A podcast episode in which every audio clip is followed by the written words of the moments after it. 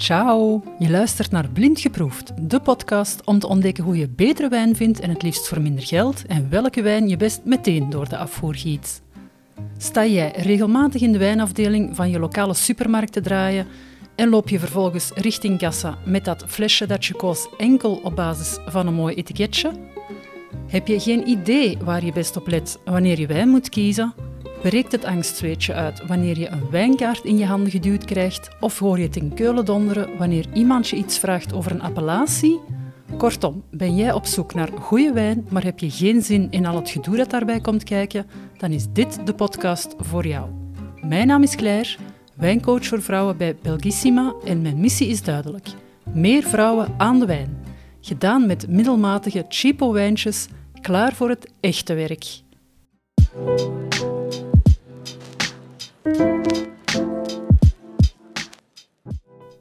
Welkom in aflevering 8 van Blind Geproefd. Waarom staat er op sommige wijnlabels de druivensoort vermeld en op andere niet? Dat is de vraag waar ik vandaag een antwoord op wil geven, want ik weet dat dat voor verwarring zorgt. Meer nog, ik kampte met hetzelfde probleem. Vroeger, toen ik als student zelf wijn begon te kopen en ik er eigenlijk niks van kende, had ik hetzelfde probleem. En dan ging ik heel vaak voor net die flessen waar dat de druivensoort duidelijk op vermeld stond, want dan wist ik tenminste nou welke druif er in de wijn zat en waar ik mij aan kon verwachten. Tenminste, dat dacht ik, want eigenlijk vertelt de vermelding van eigenlijk een druivensoort op een fles je heel weinig. Je kunt het een beetje vergelijken met een auto van een merk waarvan dat je niet eens weet welk merk, met oké, een volle benzinetank waarmee je ongeveer een 500 of 600 kilometer kan rijden. Maar veel meer dan dat weet je eigenlijk niet. Je weet helemaal niks van wat dat de performantie is van die auto, of dat het een zware motor is of een lichte motor, of dat die heel smooth gaat rijden, of dat die net een hele strakke sportieve ophanging heeft. Basically, je weet er niet veel van. Allemaal dingen waar je van tevoren niet van weet waar dat je je aan kunt verwachten. En met wijn kiezen op basis van enkel een druivensoort is het een beetje hetzelfde.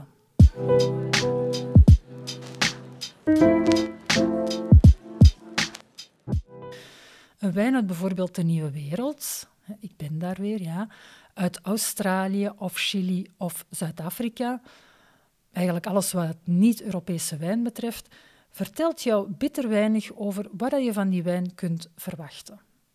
Er zijn natuurlijk altijd uitzonderingen, want er zijn wel degelijk gebieden in nieuwe wereldlanden waar dat je dat wel van weet, maar in dat geval zijn het heel vaak hele kleine afgebakende regio's, maar het gros van al die kwaliteitswijnen die ga je niet tegenkomen in de supermarkt als je daar staat rond te draaien om een flesje te kiezen.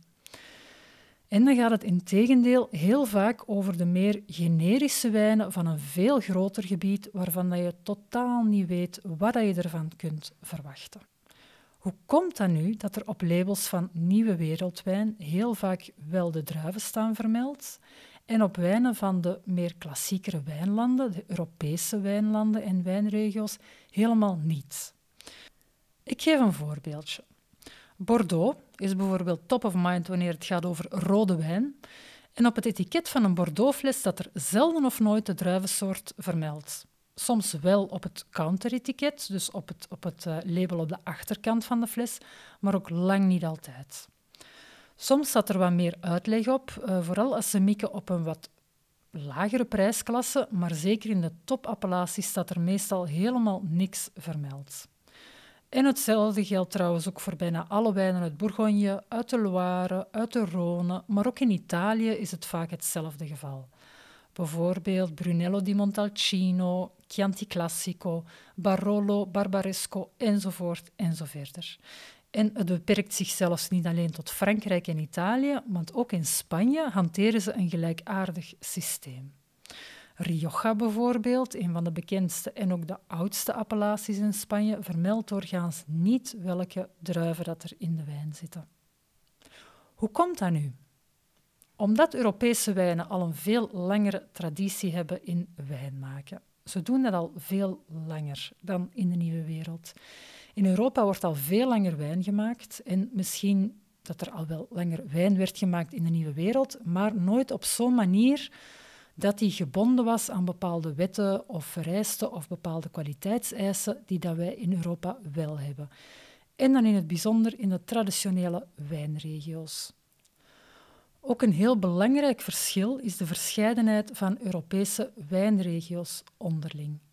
Als je gaat kijken naar bijvoorbeeld Frankrijk, oké, dat is voor Europese normen een groot land, maar als je dat gaat vergelijken met wijnlanden in de nieuwe wereld, zoals Zuid-Afrika of, of zeker Australië. Australië is hoeveel keer groter dan Europa? Ik weet het niet, niet uit mijn hoofd, maar veel groter. Als je dat gaat vergelijken, ja, dan stelt Frankrijk helemaal niks voor.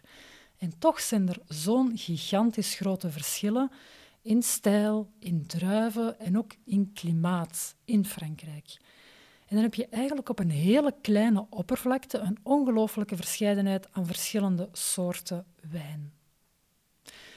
En net om die reden zijn de Fransen, maar ook de Italianen en de Spanjaarden begonnen met daar een soort systeem in te steken. En oké, de Fransen staan dan misschien niet bekend voor hun grote organisatietalent of hun uh, manier om heel systematisch te werk te gaan, maar in wijn kunnen ze dat blijkbaar wel heel goed. En hoe doen ze dat? Door appellaties te gaan creëren. Wat zijn appellaties? Dat zijn duidelijk afgebakende wijngebieden waarin de wijnen op een bepaalde manier gemaakt worden en meestal ook van bepaalde druivensoorten. En zo'n appellatie valt onder hele strenge regels en wetten waar dat je als wijnmaker aan moet houden als je bij de appellatie wil horen. Hoe kleiner de appellatie, hoe strenger de wetten en bij gevolg hoe kleiner de opbrengsten ook en hoe duurder doorgaans de wijn in kwestie.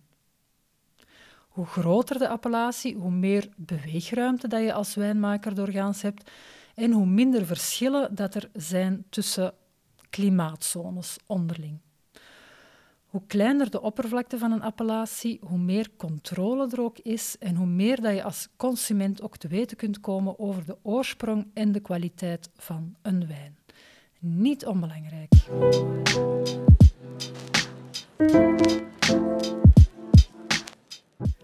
Zeker in Frankrijk verwijzen ook termen als Grand Cru Classé en Premier Cru en de eerste wijn en de tweede wijn van bepaalde châteaus bijna altijd naar een fysieke oorsprong. En dat gaat dan letterlijk over een specifiek wijnperceel, waar dat iedereen die de moeite wil nemen om het op te zoeken, van weet waar dat wijnperceel zich bevindt.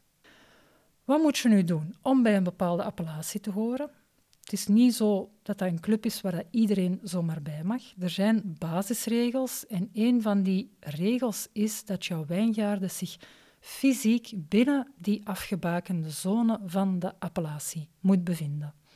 Daarmee sluit je meteen al een heel groot deel uit van andere wijngebieden, van andere wijnmakers. En er zijn ook een hele hoop andere spelregels waar dat je aan moet houden. Je mag niet zomaar wijn gaan maken van eender welke druivensoort. Elke appellatie heeft bepaalde druivensoorten die dat zijn toegelaten. Soms zijn dat er heel veel. Bijvoorbeeld in de Rhônestreek in Châteauneuf-du-Pape zijn er dertien verschillende druiven die dat je in de wijn mag draaien. En soms is er ook maar één. Als je bijvoorbeeld een rode Romanée Conti uit Bourgogne wil maken, dan mag je enkel en alleen Pinot Noir gebruiken om die wijn te maken. En mijn voorbeeld van Châteauneuf-du-Pape is meteen ook een belangrijke reden waarom dat de druif niet altijd vermeld staat op het label in veel Europese wijnen. Want in heel veel appellaties gaat het over een blend, dus een, een wijn die dat niet is gemaakt van maar één druif, maar wel van meerdere verschillende druivensoorten.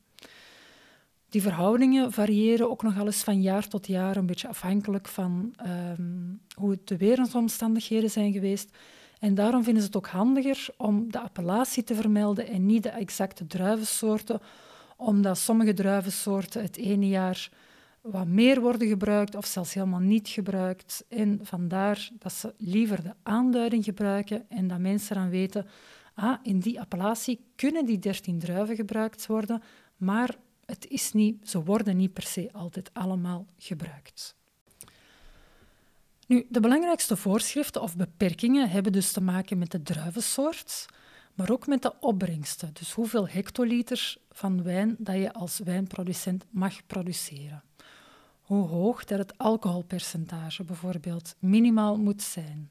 Hoe lang dan een wijn moet rijpen alvorens dat die op de markt mag gebracht worden en ook wanneer dat er mag geoogst worden. Want het is allemaal heel streng gereglementeerd.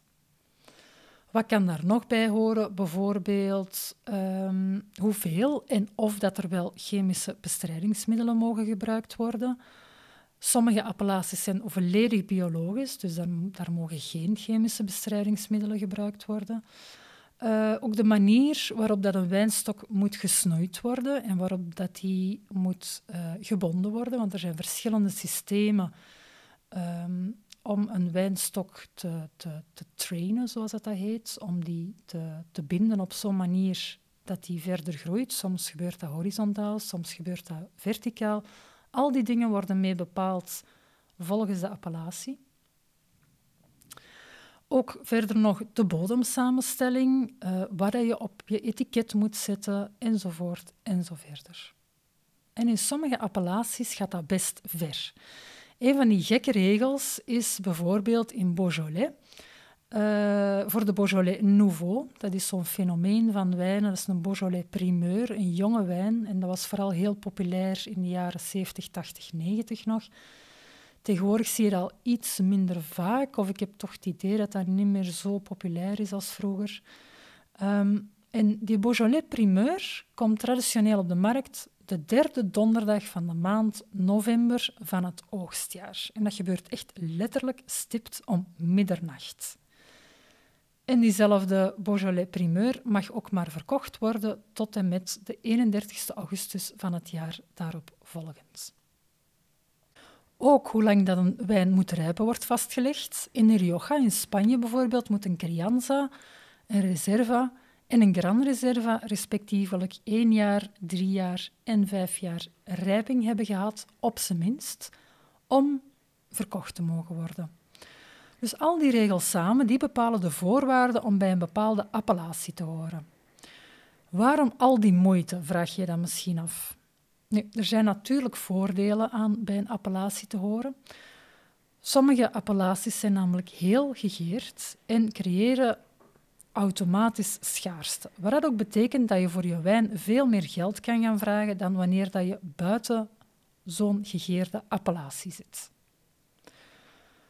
Maar er zijn ook wijnmakers die er bewust voor kiezen om uit een appellatie te stappen. Bijvoorbeeld omdat ze een andere wijn willen maken met druivensoorten die dan niet zijn toegelaten, of gewoon omdat ze een hele andere stijl van wijn willen maken.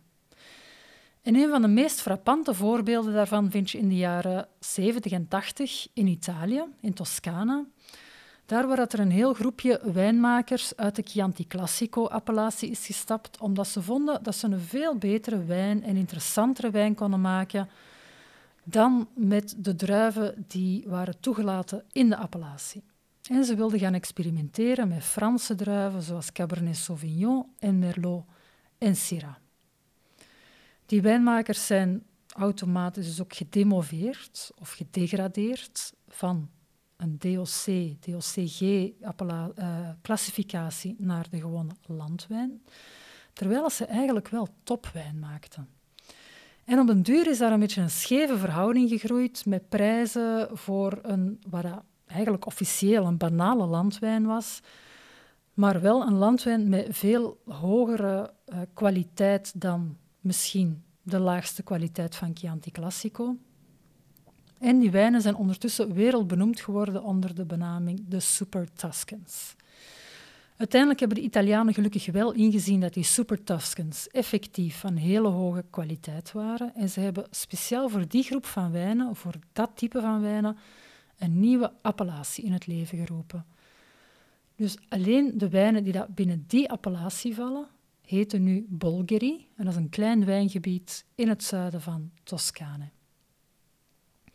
Het verhaal van die Super Tuscans is eerder een uitzondering, maar het kan dus wel zijn dat wijnmakers ervoor kiezen om uit een appellatie te stappen, omdat zo'n appellatie best wel streng is en je moet ook voldoen aan al die wetten en die eisen.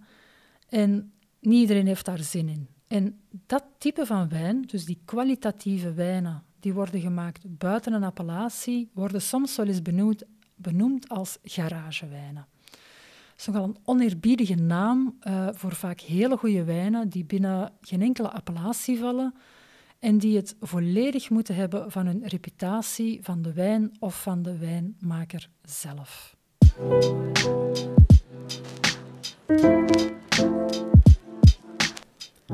Hoe komt dat nu dat ze dat in de nieuwe wereld niet hebben? Wel, daar hebben ze vaak veel grotere wijnregio's in eenzelfde klimaatzone. Dus om te beginnen al niet zo'n grote diversiteit op kleine oppervlakte van klimaat- en bodemverschillen, zoals in Europa.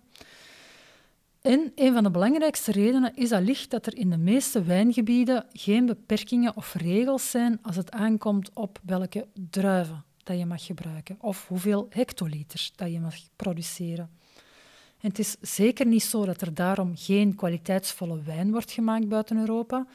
Helemaal niet. Het is alleen niet zo gereglementeerd. Wat maakt dat je heel weinig houvast hebt en heel weinig indicatie voor welke kwaliteit dat je voor je neus hebt.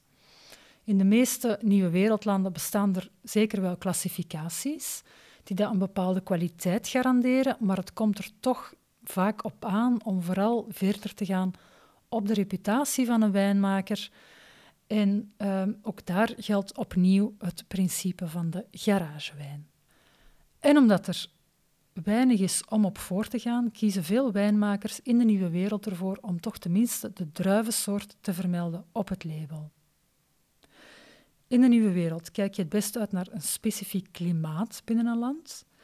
Zo vind je in Chili en zeker ook in Argentinië, waar op zich warme landen zijn, maar daar vind je ook kwalitatieve klassificaties die ze te danken hebben aan koelere gebieden, zoals bijvoorbeeld in het Andesgebergte en ook uh, in Argentinië aan de hele zuidelijke ligging in het zuidelijk halfrond, waardoor dat de gemiddelde temperatuur er vaak veel lager ligt dan in de rest van het land. Dan bijvoorbeeld in valleien die daar veel warmer zijn. En ook, zoals ik al eens heb verteld, de beste wijn komt vaak uit cool climates, dus regio's met een relatief lage temperatuur. En wat ik nu ga vertellen gaat misschien een beetje snobistisch klinken. In de nieuwe wereld was wijn vroeger, wijn die dat lokaal werd geproduceerd, ook heel erg bestemd voor de lokale markt. Die werd nog niet zo vaak geëxporteerd. Dus was ook voornamelijk bestemd voor een markt die dat niet is opgegroeid met Europese wijn en die dus ook niet zo thuis was in appellaties en dergelijke. En er werd zeker in het begin dat de wijnen uit de nieuwe wereld sterk opkwamen, ook een beetje lacherig over gedaan. dat de druif moest vermeld worden op het label, want dat, dat, enkel mensen die niks van wijn kenden dan ook wisten wat er in de wijn zou zitten. En daar zit ergens wel een kern van waarheid in, maar het is ook wel kort door de bocht natuurlijk. Als je geen eeuwenoud appellatiesysteem hebt, dan kun je er ook geen gebruik van maken. Dus daar komt het Europese gevoel van superioriteit toch weer een beetje boven kijken. Maar dat Europese systeem impliceert wel dat je een basiskennis aan wijn moet hebben om te weten wat er nu precies in de wijn zit en waar je aan kunt verwachten. En het ding is, eens dat je die kennis hebt, kan je inderdaad ook vertrouwen op wat er in de wijn zit. Daar waar dat bij wijnen uit de nieuwe wereld altijd weer een gok blijft, een beetje natte vingerwerk. En oké, Europese appellaties en dan vooral Franse appellaties kunnen soms wel wat daunting zijn. Ik ben ook zeker geen specialist in zaken dure bourgognes of in de eerste en tweede en derde wijnen van bepaalde châteaus in Bordeaux. Maar ik weet wel welke druiven dat er waar worden gebruikt en aan welke stijl van wijn dat ik mij kan verwachten. Zo weet ik dat er in een Chianti Classico of een Brunello di Montalcino altijd Sangiovese zit als druif en niet Cabernet Sauvignon bijvoorbeeld. En dat er in een Barolo altijd Nebbiolo zal zitten als druif.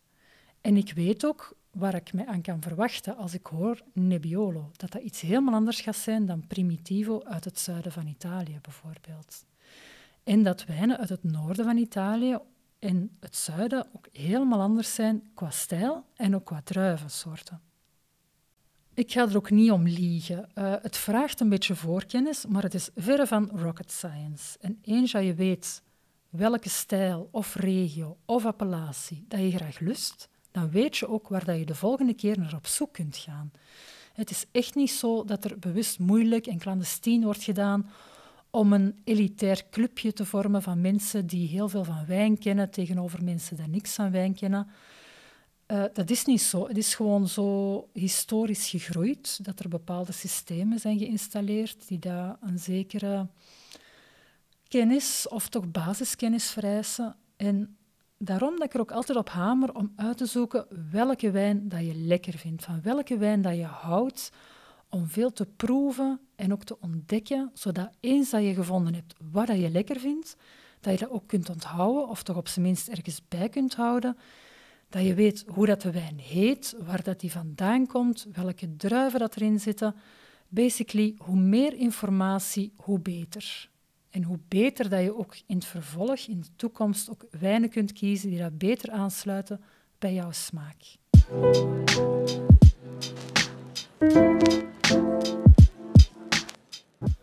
Dus nog eens even recapituleren. De meeste Europese en dan vooral rode wijnen hanteren een appellatiesysteem waarbij dat de oorsprong automatisch gelijk staat aan een bepaalde druivensoort of meerdere druivensoorten aan bepaalde rijpingstijden, aan een bepaalde wijnstijl, enzovoort enzoverder. En hoe nauwer dat je de locatie kan traceren, hoe strenger de appellatie en hoe kwalitatiever de wijn in kwestie vaak is. Jongere Europese appellaties gebruiken vaker ook de druivensoort als aanduiding en dat gaat dan vooral over wijngebieden uit het zuiden van Frankrijk. Ik denk dan vooral aan de Languedoc bijvoorbeeld, ook uit uh, Italië, dan denk ik aan Primitivo en Negro Amaro, die veel vaker op de fles worden vermeld. En ook wel in Spanje. In Spanje ook in de, de, de, iets goedkopere regio's wordt ook heel vaak de druivensoort gewoon zo vermeld.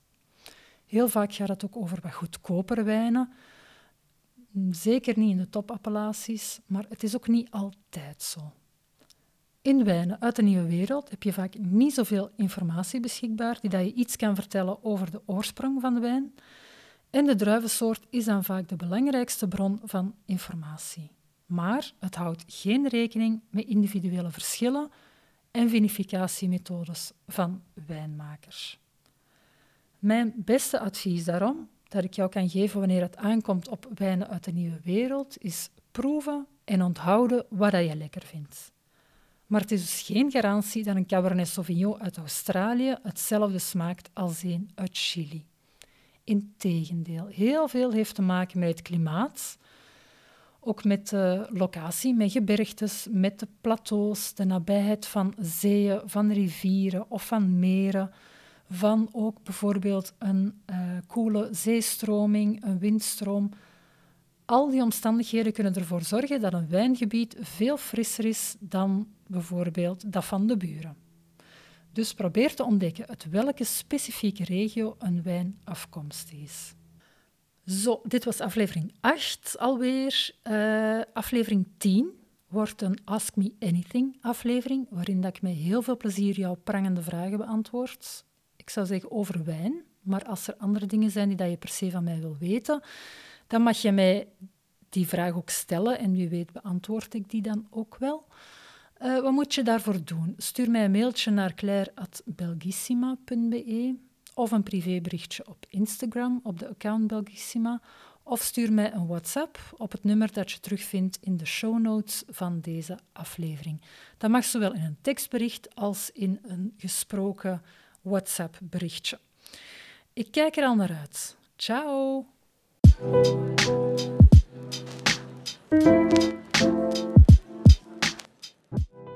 Zo, dat was hem voor deze keer. Ik vond het super dat je erbij was en ik hoop dat je er evenveel aan hebt gehad als ik. Heb je de smaak te pakken en wil je je nog verder onderdompelen in wijn? Volg dan de podcastshow Blind Geproefd. Die vind je terug op Spotify en Apple Podcasts. Wist je dat je ook heel makkelijk een review kan achterlaten over deze podcast? Ga naar de podcast-app waarmee je deze podcast beluistert en klik op Reviews. Laat bijvoorbeeld 5 sterren achter of schrijf ook een eigen review als je wat extra inspiratie hebt. Daar zou je me een ontzettend groot plezier mee doen, want op die manier kunnen meer luisteraars en wijnliefhebbers me makkelijker terugvinden. Mis geen enkele aflevering en abonneer je helemaal gratis op de Blindgeproefd podcast show. Dat doe je door op de knop subscribe of follow te klikken. En ik zou het ook super tof vinden als je een screenshot van deze podcastshow wil maken en hem wil delen in je Instagram stories. Ken je iemand die deze podcast ook leuk zou vinden? Stuur hem of haar dan deze aflevering door. Via Spotify kan dat heel makkelijk door op de drie bolletjes naast de aflevering te klikken en dan te kiezen voor Share. Krijg jij maar niet genoeg van wijn, dan kun je me ook volgen op mijn Instagram-account Belgissima en op mijn blog die je terugvindt op de website belgissima.be. Heb je een vraag of een suggestie? Stuur me dan een bericht op claire.belgissima.be of stuur een privébericht via de Instagram-account van Belgissima. En nu is het tijd voor een goed glas wijn. Bedankt voor het luisteren en tot binnenkort met meer vrouwen aan de wijn. Ciao!